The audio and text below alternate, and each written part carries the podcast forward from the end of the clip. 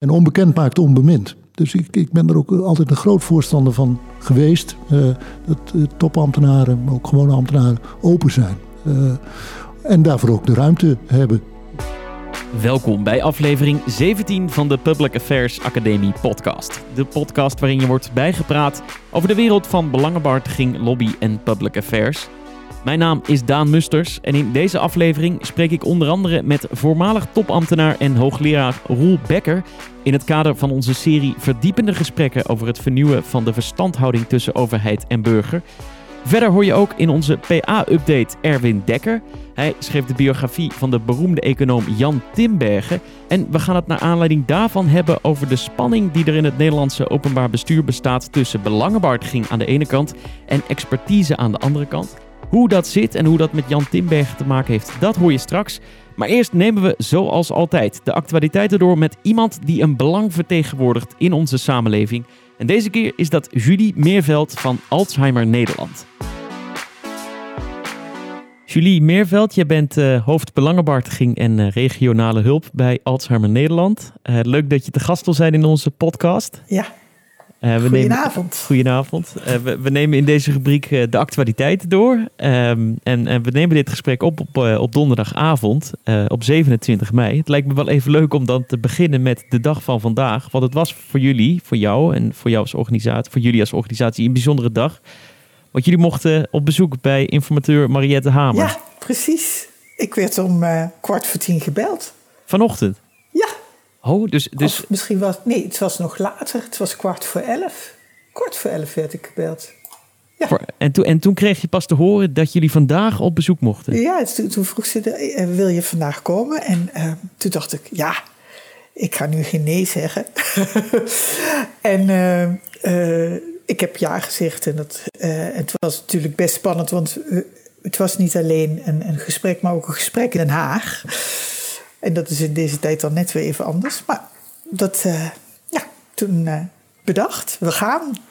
Want zo'n kans krijg je niet gauw. Dit is uniek. Ja, en hoe laat waren jullie uiteindelijk aan de beurt? Ik kreeg om uh, kwart voor elf te horen dat we om drie uur aan de beurt waren.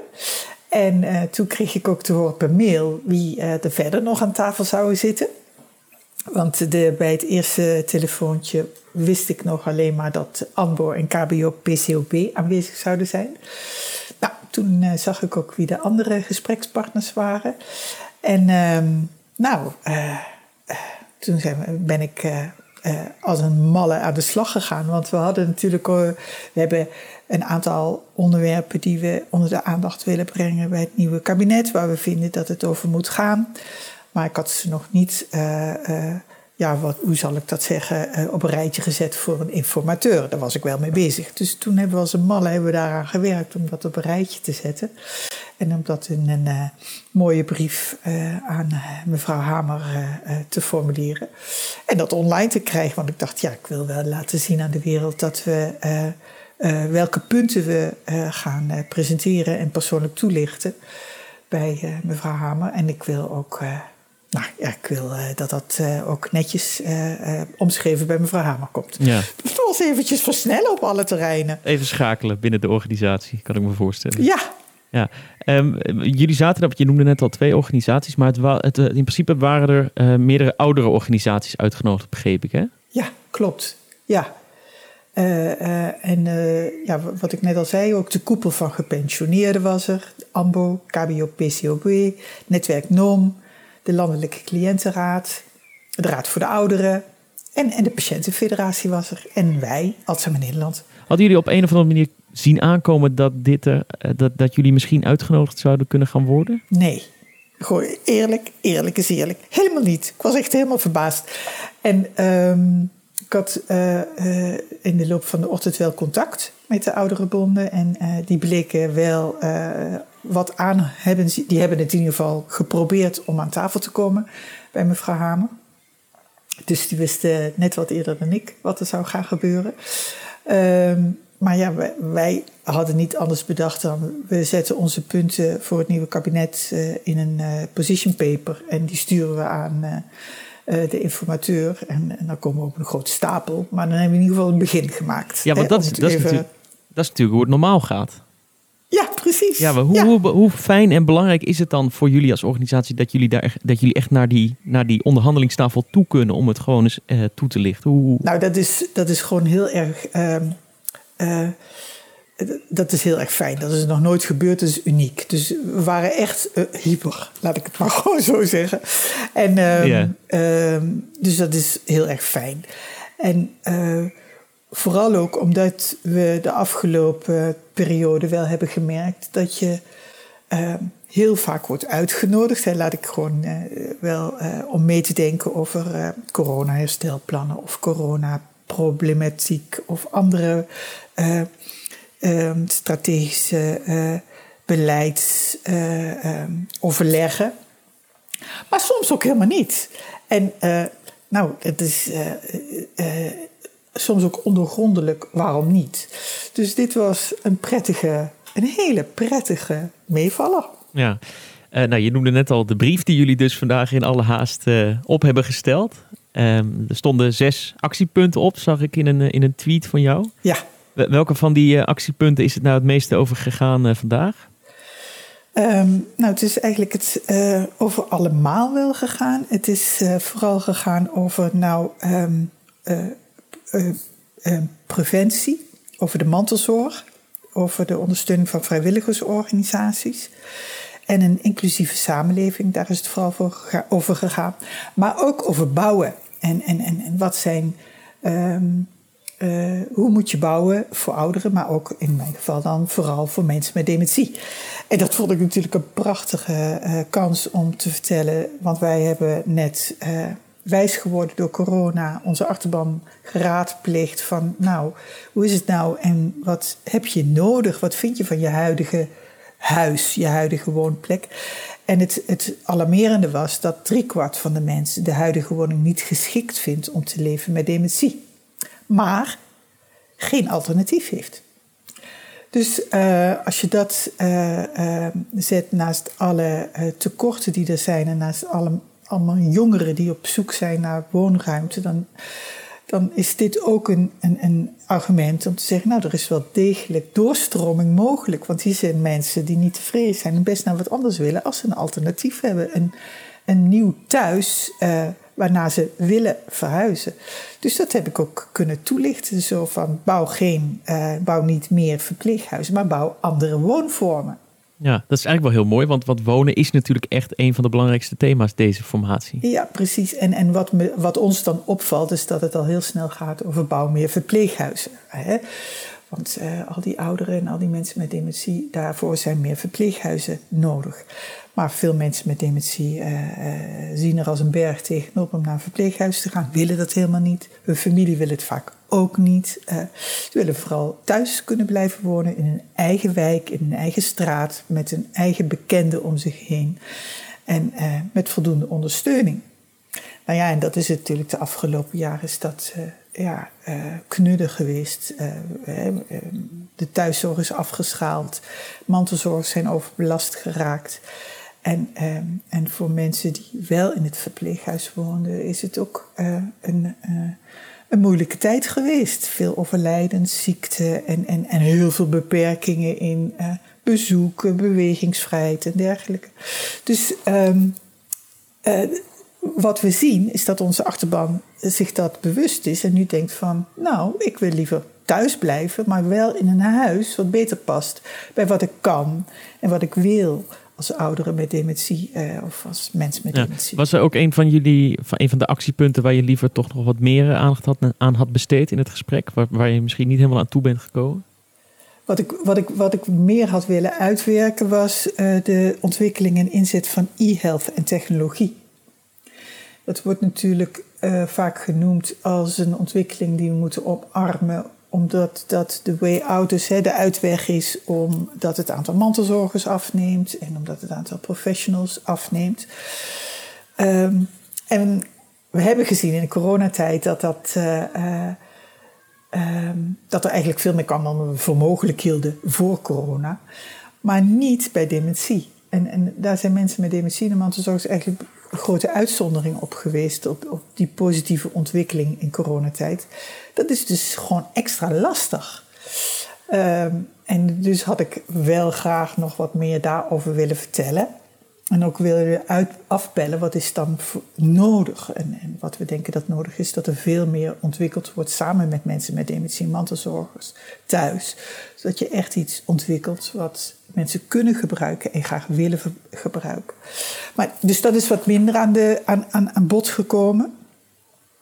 Maar de, een heleboel andere dingen zijn wel heel goed aan bod gekomen. En dan is het ook wel heel erg mooi dat je zit uh, met een aantal andere organisaties die voor een deel dezelfde, maar voor een deel ook andere punten naar voren brengt. Maar zo kun je elkaar ook aanvullen en versterken. En dat, dat ging ontzettend goed uh, samen met de ouderenbonden en uh, NO, met de patiëntenfederatie. Dus daar was ik heel content over. Um, en um, ja, iedereen uh, uh, probeerde aan te vullen, te versterken en zo helder mogelijk de belangrijkste punten uh, voor het voetlicht te brengen. Heb je, heb je vandaag het vertrouwen gekregen dat, dat deze dingen inderdaad meegenomen gaan worden in informatie? Um, nou ja, dat, dat moet nog, moeten we nog zien hè? in de conclusies die mevrouw Hamer gaat trekken en hoe ze dat gaat samenvatten en gebruiken. Um, maar ik kreeg de indruk van wel. En, uh, en dat kwam ook, ik merkte vooral dat zij goed op de hoogte is. Uh, dus ze pikte ook wel de belangrijke dingen snel eruit. En belangrijk is bijvoorbeeld, nou, houd die mantelzorg overeind. Dat is, uh, daar is veel meer voor nodig dan alleen maar goede bedoelingen. Want er wordt wel veel over gepraat, maar het gebeurt nog niet genoeg. Nou, dat soort, dat soort uitdagingen voor de komende vier jaar, nou, die herkenden ze heel goed. Um, en die werden ook versterkt door iedereen, dus dat was mooi.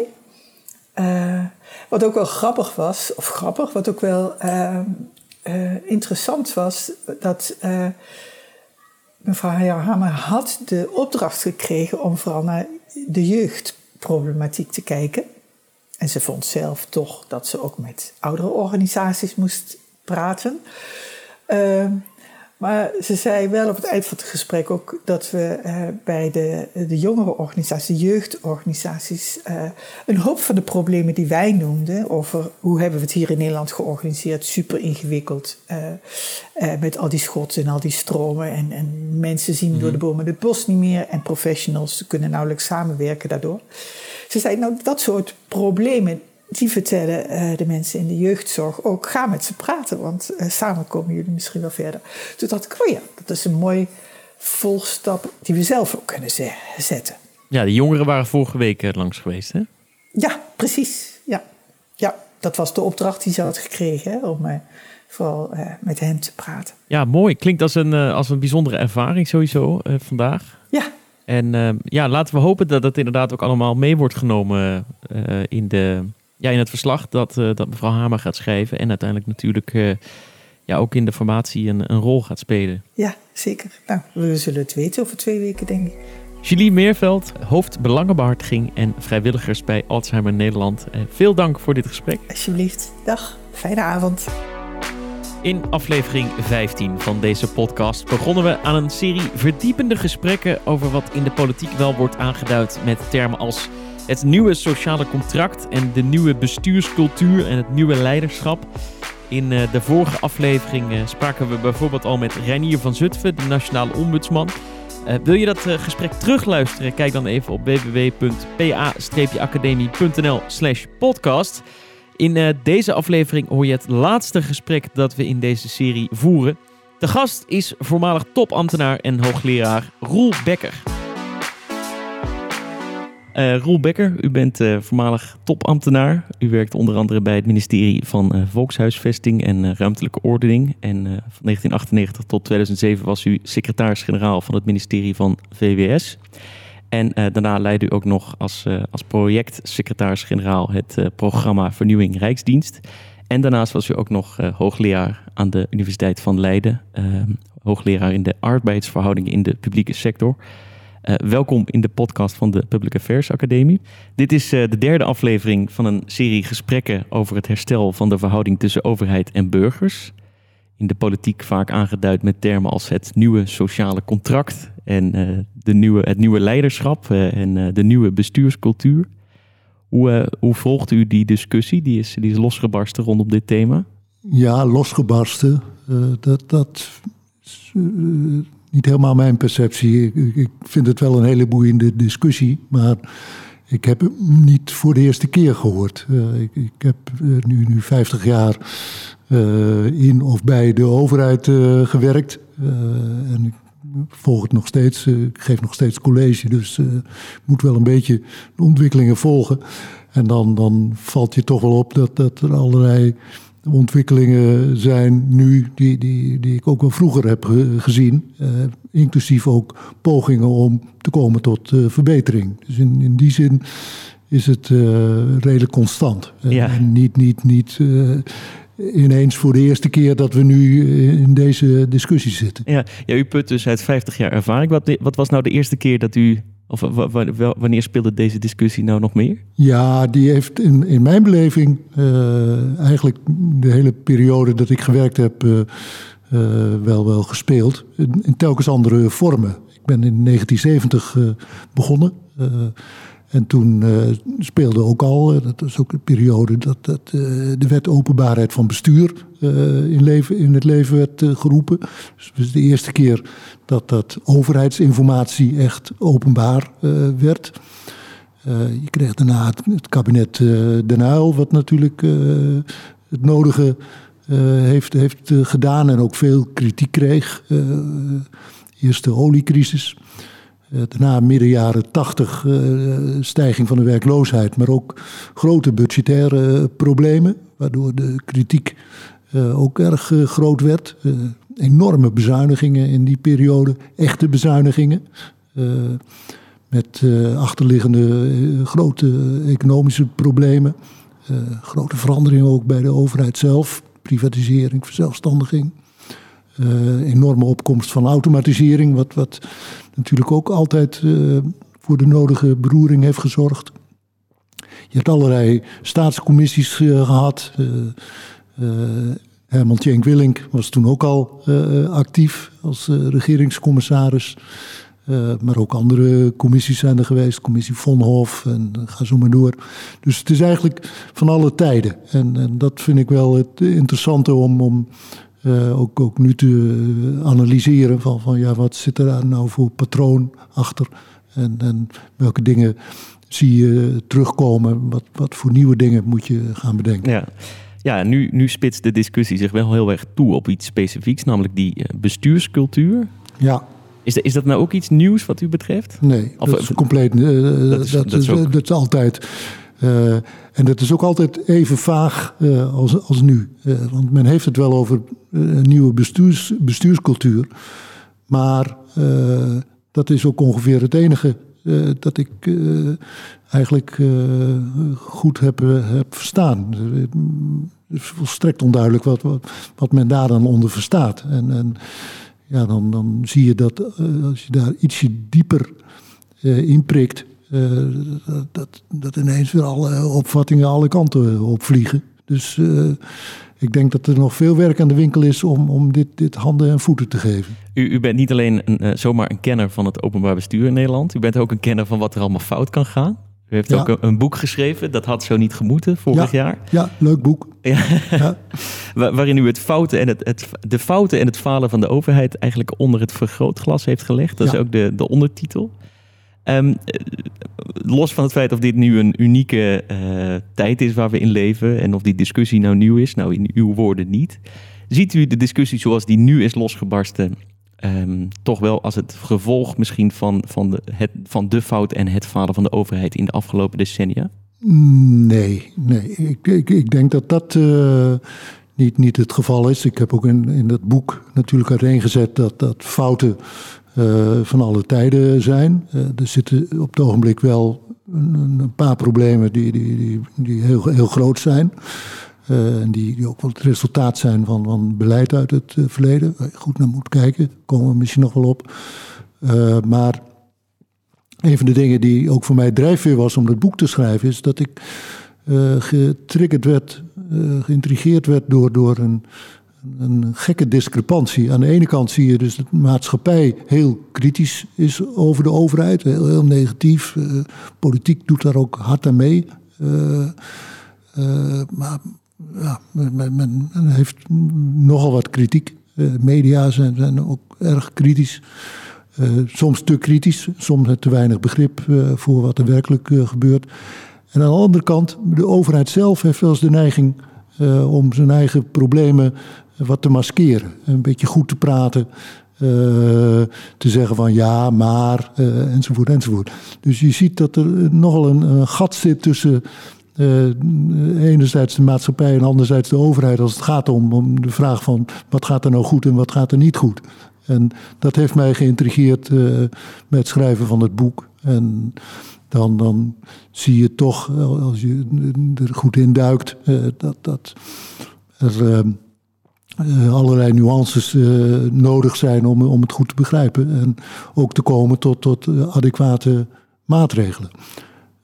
een van de dingen die, die ik erg belangrijk vind is dat, dat de overheid toch stelselmatig, en de overheid in brede zin, politieke deel er ook bij, de verwachtingen veel te hoog heeft gespannen. En ook de suggestie heeft gewekt dat voor elk probleem wel een oplossing is de, de factor pech hebben we, willen we volledig uitschakelen. En, en we beloven gouden bergen. We zijn ook erg actief in, in beleid maken. Beleid maken is typisch Nederlands woord. Ik ken geen, geen land waar, beleid maken zo'n centrale positie heeft. en elke keer maar weer nieuw beleid en, en, en nog verfijnder en nog mooier. dat aan de ene kant. En aan de andere kant te weinig aandacht voor, voor wat in, in het Engels heet delivery. Voor, voor, een presterende overheid. De, de uitvoering. dus we beginnen ook vaak maar een beetje op, op de Bonnefoy. in de hoop dat in de praktijk het allemaal wel, wel zal lopen. want we willen ook allemaal snel. dus haast is ook kenmerk geworden van, van de overheid. Nou, dat soort dingen, te hoge verwachtingen, eh, te weinig aandacht voor de uitvoering, te veel haast. Eh, dat vind ik wel, wel nieuwe, nieuwere elementen. Die heb je vroeger ook wel, wel gezien, maar dat, dat verklaart toch wel veel van de dingen die, die op het ogenblik misgaan. Ja, een van de dingen waar u in een opiniestuk in 2019 op wees, was de politisering van de ambtelijke dienst. Mm Noemde u, u dat eigenlijk? Is, is dat wat u net beschrijft? Ja, dat eh, heeft daar ook wel mee te maken. Kijk, de, de, de, de, het, ons systeem werkt natuurlijk zo dat, dat je een, een, een politiek deel hebt in de overheid. Dat, dat het, het beleid vaststelt, de, richting vaststelt. En een ambtelijk deel dat daarover advies uh, geeft en het vervolgens ook uitvoert. Uh, nou, ik, ik constateer uh, ook in het boek dat die twee nogal uit elkaar gedreven zijn. Die, die, zaten vroeger dichter op elkaar. je ziet dat, dat, dat, dat daar een, een, gat tussen is ontstaan. Waarbij aan de politieke kant zo nu en dan toch gesuggereerd wordt dat, dat de ambtenaren meer mee moeten denken met de politiek. Uh, dus niet, niet hun taak alleen maar van, van advies en goede uitvoering, maar dat ze ook ja, als het ware politiek sensitief moeten zijn en, en alleen maar de dingen moeten doen die, die passen bij het politiek gewenste imago dus ook de, de, hele beeldvorming heeft natuurlijk uh, wat dat betreft in die 50 jaar een veel grotere betekenis uh, gekregen door allerlei ontwikkelingen. En daar moeten ambtenaren aan, aan meehelpen. Nou, dat vind ik geen, geen gezonde ontwikkeling. Ik zou sterk voor pleiten om, om de, de, de, de band tussen politiek en ambtenarij te versterken, maar wel met behoud van ieders uh, rol. Uh, en niet, niet te suggereren dat ambtenaren ook een beetje politiek uh, moeten zijn. Uh, dat zou een verkeerde rolopvatting zijn. Ja, wat ziet u als, het, als de voornaamste oorzaak van die, van die politisering van de, van de ambtenarij? Ja, dat is toch wat ik net noemde, die, die, de, de, de jachtigheid van het politieke gebeuren. sterk onder invloed van media. de wens tot, tot scoren. Nou, de, de hele vocabulaire die, die, op het ogenblik uh, daarin uh, opgang, opgang doet. Je, je, moet dingen framen, uh, je, je, moet veel aandacht geven aan communicatie. toen ik 50 jaar geleden begon bij de overheid, was, was, had je geen directiecommunicatie. er waren een paar voorlichters en die, die deden het. En dat is tegenwoordig zijn dat de grootste directies van allemaal geworden. In een soort concurrentieslag met eveneens enorm gegroeide uh, mediavertegenwoordigers. en dat vind ik geen gezonde ontwikkeling. Dat, je moet wat dat betreft eigenlijk weer, weer een beetje terug. Een beetje, beetje meer rust in de tent. Minder beleid, minder snel beleid ook. minder spoeddebatten, minder die, die, die voortdurende urgentie. Uh, is natuurlijk ook een beetje oude, oude mannenpraat. Die tempo wat te verlagen. Maar ik heb er wel eens voor gepleit om in het Haagse drinkwater, in ieder geval het drinkwater op het Binnenhof, een klein beetje valium te doen. Uh, om te zorgen dat, dat, dat, dat ja, de, de, die enorme nervositeit en, en die drive en, en, die haast, dat dat wat minder wordt. Dat, dat, is slecht voor het beleid. Het is ook, zoals nu op het ogenblik wat, wat duidelijker wordt, is ook slecht voor de mensen. mensen houden het zelf ook niet meer vol. Uh, die, die, die, gaan er uh, aan, aan, aan, kapot. Dat moet echt anders. Ja, want dat, dat is wel interessant uh, dat u dat zegt. Want het betekent natuurlijk inderdaad ook iets voor de mensen, de ambtenaren die daar werken. Wat, wat, wat, doet het met hen dat ze in zo'n gepolitiseerde omgeving werken? Wat vraagt dat van, van, van ambtenaren? Ja, dat vraagt uh, uh, toch wel dat je een goede rolopvatting houdt. Dat je standvastig bent, dat je niet bang bent.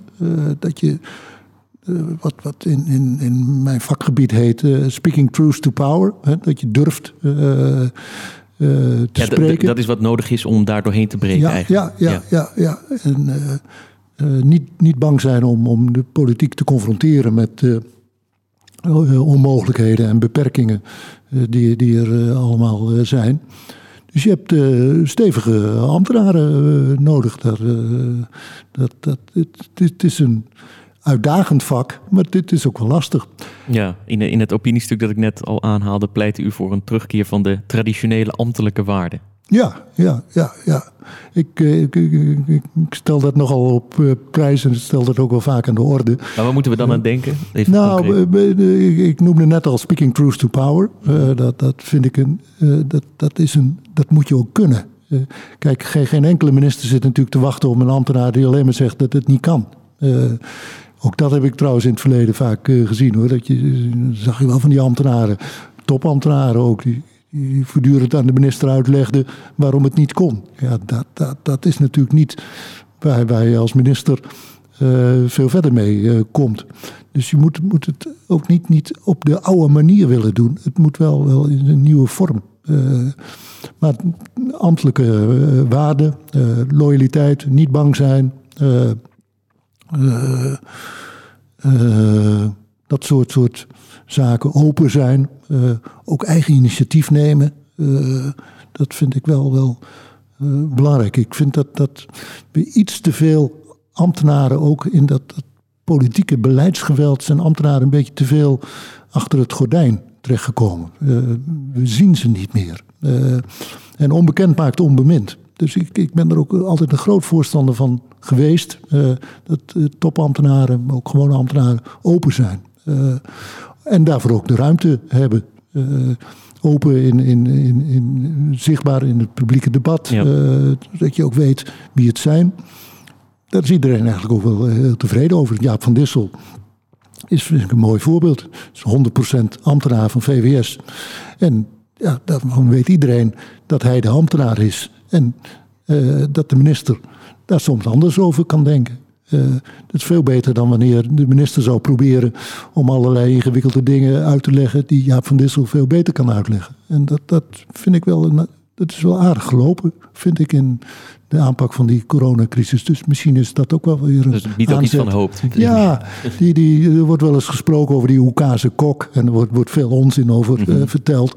Maar één ding is wel waar: dat de, de, de, die aanwijzingen in de tijd toch een, een, soort sfeer hebben gecreëerd van, van ambtenaren moeten uh, streng in het gelid en, en, eigenlijk niet zichtbaar en, enzovoort enzovoort. Dat, dat, daar was ik altijd erg tegen.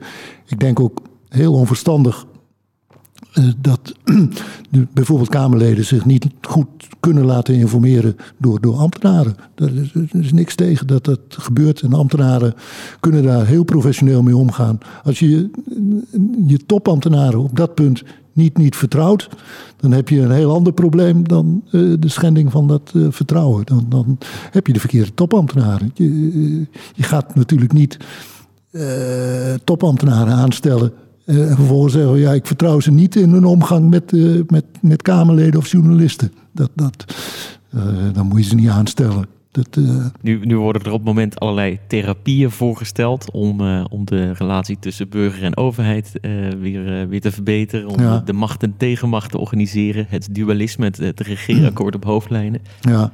Hoe, hoe, kijkt u daarnaar? Ja, nou ja, op zich, dualisme lijkt me prima. Zij dat ons grondwettelijk systeem natuurlijk altijd een beetje ambivalent is. We, hebben nooit, nooit een echt scherpe uh, scheiding van de machten gehad die, die bijvoorbeeld de Verenigde Staten uh, heeft. Uh, dus het is mm, dualisme goed, maar wel binnen onze verhoudingen. Ik, ik, ik, heb toch een beetje hekel aan het woord tegenmacht. dat, dat, dat wordt zo makkelijk uh, geroepen. Uh, er is natuurlijk een, een, een behoorlijke hoeveelheid, uh, wat in het Engels heet countervailing power, beschikbaar. net werd al even genoemd, de, de ombudsman. nou, die, die, die heeft een, in beginsel een, een prima rol. Die mag wat mij betreft ook nog wat harder aan de bel trekken dan, dan, dan, meestal doet.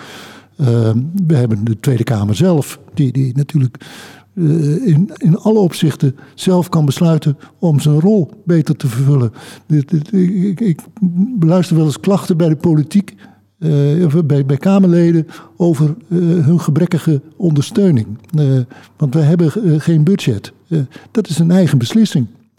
als de Kamer zegt van we willen een, een groot budget voor eigen ondersteuning, dan is dat, dat volledig de, de, aan, aan de Kamer.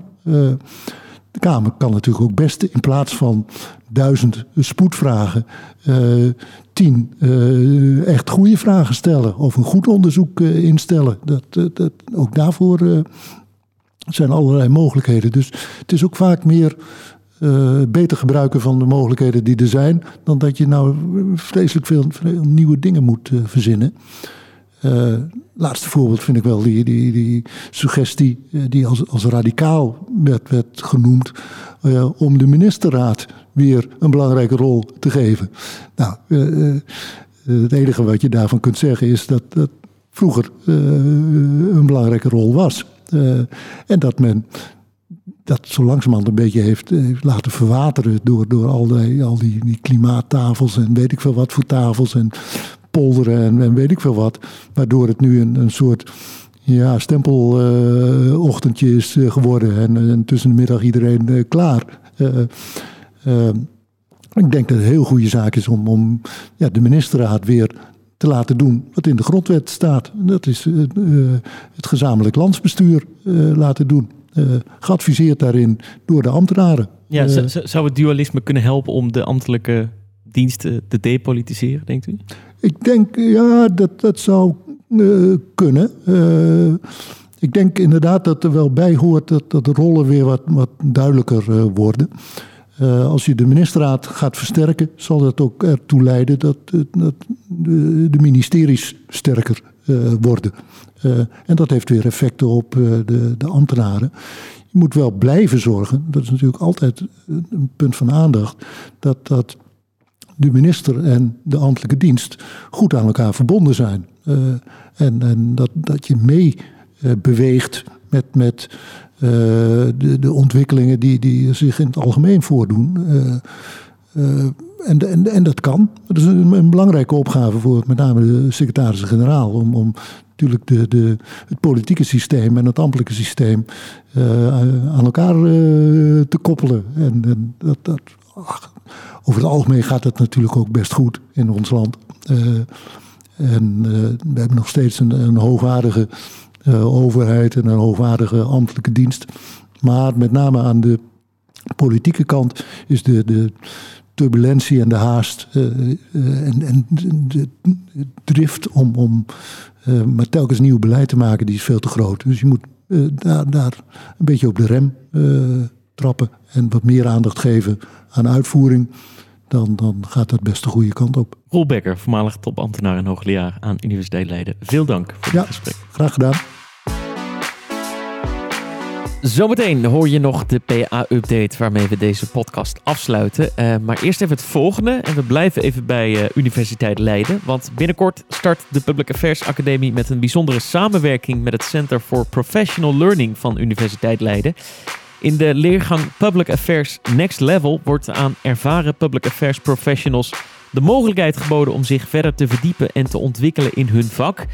Verspreid over vier dagen zullen wetenschap en praktijk samen worden gebracht en wordt stilgestaan bij brede thema's zoals leiderschap en beïnvloeding, netwerken en coalities, big data en datagedreven belangenbehartiging en de toekomst van public affairs. Naast bijdragen uit de wetenschap en de praktijk zal er tijdens de leergang veel ruimte zijn om eh, in gesprek te gaan met experts en andere professionals. Bijvoorbeeld over de uitdagingen die je in je eigen werkveld tegenkomt. De leergang vindt plaats op 20 en 27 september en op 4 en 11 oktober. En ben je nou geïnteresseerd, dan kan je je aanmelden en daarvoor kun je het beste even naar de website van de Public Affairs Academie gaan. www.pa-academie.nl Erwin Dekker, jij bent uh, werkzaam bij de Erasmus Universiteit in uh, Rotterdam. En uh, onlangs publiceerde jij jouw biografie over Jan Timbergen met als ondertitel Econoom op zoek naar vrede. fijn dat je er bent, Erwin. Dankjewel, Dan. Een, een, tijdje geleden al publiceerde je ook, naar aanleiding van jouw onderzoek naar Jan Timbergen, een artikel met de titel De polder en de expert gaan lang niet altijd samen. Uh, dat is natuurlijk ook bijzonder interessant in het kader van deze podcast. En uh, wat je ermee bedoelt en hoe het samenhangt met Jan Timbergen, daar gaan we het straks over hebben. maar toch eerst even naar de persoon Tinbergen. Ehm, kunnen we zeggen dat hij de grootste econoom is die ons land heeft voortgebracht? Ja, daar is denk ik weinig discussie over. Timbergen heeft niet alleen twee generaties economen hier in Nederland echt beïnvloed, maar hij is ook de enige die zelf de Nobelprijs heeft gewonnen. En ook vooral in beleidskringen was hij van enorme invloed. Uh, voornamelijk als uh, oprichter natuurlijk van het Centraal Planbureau in 1945. Ja, de, de beleidsaspecten gaan we het zo meteen over hebben. Maar eerst dat, dat zeg maar wat daarvoor komt. Hoe, hoe zag Timbergen de economie? Hoe heeft hij onze blik op de economie uh, veranderd? Hij heeft eigenlijk de economie um, weggetrokken bij nou ja, bijna de natuurwetenschappen. Het idee dat eigenlijk de, de economie een, een, natuurlijk fenomeen is dat zijn eigen dynamiek heeft en hij heeft daar een bestuurbaar systeem van gemaakt. Dus hij dacht sterk na over de economie als um, ja, machine is één manier om een vergelijking daarmee te maken, maar in ieder geval een systeem wat door de politiek um, de gewenste richting in kon worden gestuurd. En dat ontstond natuurlijk op de crisis, op in, in, in antwoord op de crisis van de jaren 30, waarin uh, nou ja, breed gedeeld het gevoel leefde dat er iets moest gebeuren. Maar Timberg heeft eigenlijk richting kunnen, geven aan dat gevoel. En dus allerlei technieken en modellen ontwikkeld um, die lieten zien wat er dan precies moest gebeuren. Ja, en dan komen we dus aan bij, het, bij, het beleids, uh, bij de beleidskant van de zaak. Um, hoe vertaalt zich dit naar beleid, zeg maar? Um, nou ja, dat zagen we terug in het beleid in, op twee manieren. Ik denk aan de ene kant dat de, de overheid een veel grotere rol was gaan spelen, is, is gaan spelen in de economie. Ik denk dat dat ook zonder Timbergen wel uh, was gebeurd. En we leven nu in wat wel eens een gemengde economie wordt genoemd, maar waarbij de overheid ook uh, nou ja, allerlei uh, diensten en goederen voor zijn rekening neemt. Maar wat eigenlijk unieker is aan wat Timbergen daaraan heeft bijgedragen, is dat hij liet zien met zijn modellen dat door aan bepaalde knoppen te draaien, dus door bijvoorbeeld de rentestand te verhogen of te verlagen, of door te devalueren of door uh, belastingniveaus aan te passen, we de economie allerlei kanten op kunnen sturen. En daar lieten zijn modellen, die heette dan met de technische term beslismodellen, die lieten echt zien hoe dat dan gedaan kon worden. En dat maakte ook dat de, de overheid eigenlijk veel actiever werd op al die terreinen. Dus daarvoor dacht de centrale bank toch vooral na over haar taak als uh, nee, het stabiel houden van het prijsniveau of het beschermen van de gulden eigenlijk nog in die tijd. En daarna werd er ook nagedacht over, nou, die centrale bank kan misschien ook wel een rol hebben in, um, nou ja, over economische groei stimuleren of soms misschien de werk, uh, werkloosheid bestrijden. Ja, je noemde het net al. Uh, Tim Bergen was een van de oprichters van, uh, van het Sociaal Cultureel Planbureau. Maar we associëren Tim Bergen ook vaak met, juist met de Sociaal-Economische Raad, met de SER. En jij um, schreef in jouw artikel voor, voor het economische tijdschrift ESB dat Tim Bergen eigenlijk nou ja, twee belangrijke naoorlogse idealen belichaamde. En dat je dat eigenlijk terugziet in zijn affiniteit met aan de ene kant de technocraten van, van het Sociaal Cultureel Planbureau. En aan de andere kant de polderaars van de, van de Sociaal-Economische Raad. kan je eens uitleggen wat je daarmee bedoelt? Ja, het ging natuurlijk om het Centraal Planbureau. Hè. Dat had toen wel al een culturele oh, ja. tak, maar het uh, Sociaal Cultureel Planbureau is van wat later. Maar de reden dat hij eigenlijk die twee idealen uh, belichaamde was dat Timbergen aan de ene kant was het uh, een vredesactivist in mijn, in mijn boek heb ik ook een, uh, een, klein hoofdstukje en daar vraag ik, heeft hij wel de juiste Nobelprijs gewonnen? En eigenlijk was voor hem vrede nog het grotere ideaal. En sociale vrede zag hij vooral als um, het feit dat uh, de klassenstrijd, hij kwam echt uit, een, uh, uit de linkse hoek en uit de, de, socialistische traditie. En daarin stond natuurlijk de klassenstrijd voorop en daarbij werd toch voorgesteld dat de arbeiders en de kapitalisten met elkaar in een conflict zaten, waar eigenlijk, ja, eigenlijk was dat conflict een soort ehm, vaststaand feit. En er moest vooral uh, bijgedragen worden aan die strijd. En Timbergen zag daar eigenlijk helemaal niks in. Die wilde juist die partijen bij elkaar brengen.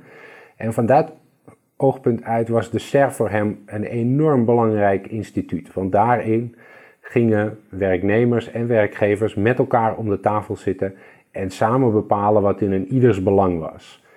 En uh, nou ja, die SER heeft ook een heel belangrijke rol gespeeld in eigenlijk het draagvlak creëren. En dat ging natuurlijk ook uh, vooral in die eerste decennia erg goed, omdat uh, de vakbonden toen enorm belangrijk uh, waren nog in de Nederlandse economie. Dat ligt inmiddels wel wat anders. Maar... Dus dat is de ene kant. En dat gaat over draagvlak en over consensus creëren en over nou ja, de verschillende belangen tegen elkaar afwegen. En aan de andere kant zit er iets nou ja, technocratisch in Timbergers denken. En dan gaat hij denken in uh, de optimale oplossingen en dus uh, nou, het sturen van de economie waar we, net, uh, waar we het net over hadden. En dat eigenlijk belichaamt het CPB dat ideaal van Timbergen. Het meer technische um, element van Timbergen waarbij er gerekend wordt. En waarbij er eigenlijk ook de wetenschap eigenlijk iets te zeggen heeft over wat het beleid eigenlijk zou moeten zijn. Dus daar gaat het helemaal niet over draagvlak, maar dan gaat het eigenlijk over wat wetenschappelijk juist is, of volgens de modellen de optimale beslissingen zouden zijn. En die twee dingen kunnen natuurlijk behoorlijk met elkaar in conflict komen. En we, zien dat constant, dat belangen worden tegen elkaar um, afgewogen en ja, dat botst flink met wat er dan economisch, nou ja, vanuit wetenschappelijk perspectief zou moeten gebeuren. Maar ja, dan uh, denk bijvoorbeeld, uh, ik laat, laat me een voorbeeld geven, want anders klinkt het misschien wat abstract, maar Laten we kijken naar eh, het pensioenstelsel houdbaar uh, maken voor de toekomst. Nou, ik denk dat alle economen het over eens zijn dat het door de vergrijzing uh, en door allerlei andere ontwikkelingen, namelijk ook dat er minder kinderen worden geboren, het eigenlijk nodig is dat, dat zo'n stelsel wordt hervormd. Nou, dan kun je, zou je kunnen berekenen wat er dan precies nodig is om die hervormingen te doen. En dan zou je dan op een soort optimaal beleid uitkomen. Maar je kan ook gaan kijken naar de belangen van de huidige generatie en hoe je dit eh, plan überhaupt kan gaan verkopen straks aan de vakbonden en aan de werkgevers die het moeten betalen. En dan ga je ook kijken naar heel specifieke groepen, bijvoorbeeld de mensen die dachten dat ze op een 65 met pensioen gaan, maar dat dat helemaal niet meer lukt. En dan komt dat schipperen er heel erg in. En eigenlijk ja, heeft Timberger dus voor, voor, voor, voor beide is die invloedrijk geweest, maar die twee dingen die, die kunnen af en toe met elkaar flink botsen.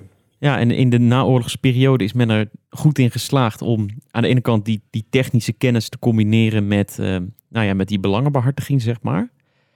Um, om toch even in het nu te blijven. Is daar iets aan veranderd sindsdien? Ik denk het wel. En dat, dat komt allereerst omdat die traditionele belangengroep, en daar verwees ik eigenlijk net al een, al een beetje mee, met, met de, de, de afnemende belang van de vakbe, vakbeweging, hebben we toch eigenlijk wel gezien dat nou ja, de SER um, die werd ooit het tweede parlement van Nederland genoemd. En nu wil ik uh, niet, niet zeggen dat de SER momenteel helemaal niet meer belangrijk is, maar we denken er niet over als het tweede parlement van Nederland. Um, dus wat dat betreft is dat instituut als, ehm, als geheel minder belangrijk geworden. Maar goed, we hebben natuurlijk wel uh, ook het parlement waarin uh, belangen nu worden afgewogen. Maar die experts die zijn eigenlijk minstens zo belangrijk gebleven. En die hebben in Nederland eigenlijk nog steeds een heel unieke positie. En dat komt deels omdat ze georganiseerd zijn zo heel dicht bij de overheid. En dat zag Timbergen vanaf het allereerste begin zo zitten. Um, al tijdens de oorlog uh, schreef hij memoranda over hoe dat Centraal Planbureau eruit moest komen te zien. En zijn visie was echt dat zij um, een directe link hadden naar de regering en naar degene die het land bestuurde. Um, en die experts die kregen een soort van ja, geprivilegeerde positie in zo'n één zo'n kennisinstituut. En dat is heel anders dan het in veel andere landen georganiseerd is, waarbij bijvoorbeeld verschillende denktanks die aan of aan partijen of aan andere stromingen zijn gelieerd, nadenken over die economie. En in Nederland hebben we dat georganiseerd in een paar instituten die dan, nou ja, het RIVM is er een ander voorbeeld van, het Sociaal Cultureel Planbureau is er een voorbeeld van, waarbij dan eigenlijk de wetenschappelijke consensus of de wetenschappelijke visie wordt uitgedragen. En dat zou dan het laatste woord van de experts moeten zijn. En dat, Um, ja, Timberg zegt dat we zitten, maar dat kan het debat wat doodslaan. Want dan um, lijkt het alsof het alleen maar een kwestie van rekenen is. En niet ook een kwestie van afwegen en verschillende perspectieven tegen, tegenover elkaar zetten. Zoals vele anderen, um, denk ik, naar de wetenschap kijken. Ja, wat, wat je dus eigenlijk schetst is dat de, de belangengroepen minder sterk zijn geworden. In ieder geval relatief gezien uh, dan de, de technische adviseurs, de technocraten, de, de, het, nou ja, het, het, het planbureau, zeg maar. Nou, ik, ik, denk niet dat we moeten denken dat die, dat die belangen uh, niet, niet meer uh, behartigd worden. Maar um, kijk, wat Timbergen als angst had, en wat we denk ik dus in Nederland op een bepaalde manier geïnstitutionaliseerd hebben, is dat um, bepaalde deelbelangen harder worden gevoeld of gehoord in Den Haag dan andere. En hij dacht dat experts eigenlijk in staat zouden zijn om die dingen tegen elkaar af te wegen en dan tot een soort optimale oplossing te komen. Maar dat is natuurlijk um, misschien voor wetenschappers wel een heel aantrekkelijk perspectief. Hè, want het zet de, de, de, wetenschappers geeft het eigenlijk meer invloed dan ze anders zouden hebben. Want anders zouden ze die belangengroepen hè, alleen maar indirect kunnen informeren. Maar dan zouden ze niet boven de partijen staan. En hij vond dat ze boven de partijen moesten staan en dan dus eigenlijk um, die belangen tegen elkaar moesten afwegen. En daar zit iets heel moois in, iets heel aantrekkelijks, waarbij je dus uh, zegt van nou ja, een van de grote gevaren is dat een kleine groep eigenlijk het beleid haar kant op weet te sturen. Uh, en dat willen we zeker niet. Maar aan de andere kant zit er ook iets heel geks aan, want juist belangengroepen die laten ons zien dat er verschillende perspectieven op een probleem zitten. En dat er, uh, nou ja, die, die hebben ook een belangrijke informerende rol. Hè. Ze, ze, laten ons zien waar de kosten of uh, juist vooral de baten van bepaalde maatregelen zitten. En ja, die stem wordt eigenlijk wat um, minder gehoord, denk ik, in, in Nederland dan um, als dat we een ander systeem zouden hebben. Um, natuurlijk zijn die belangengroepen natuurlijk niet uh, hier, willoze slachtoffers in. Hè? Kijk, wat heel grappig bij de vakbeweging gebeurde toen ze doorhadden dat ze niet altijd al te best uit die modellen kwamen, was dat ze hun eigen expertise, experts gingen inhuren en ook met die modellen aan het rekenen gingen en uh, hun eigen uh, maatregelen daarop aanpasten. Dus het, het, geeft een interessante dynamiek, maar het laat wederom zien dat expertise lang niet zo neutraal is als Timbergen graag geloofde. We gaan, er, uh, we gaan erover doorlezen in jouw biografie, jouw uh, nou ja, ook kritische biografie over Jan Timbergen. Erwin Dekker van de Erasmus Universiteit in Rotterdam. Veel dank. Graag gedaan, Daan. Dit was aflevering 17 van de Public Affairs Academie podcast.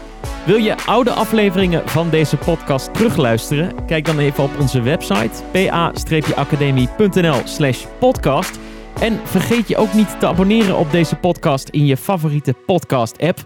Over twee weken dan zijn we weer terug met een nieuwe aflevering van de Public Affairs Academie podcast.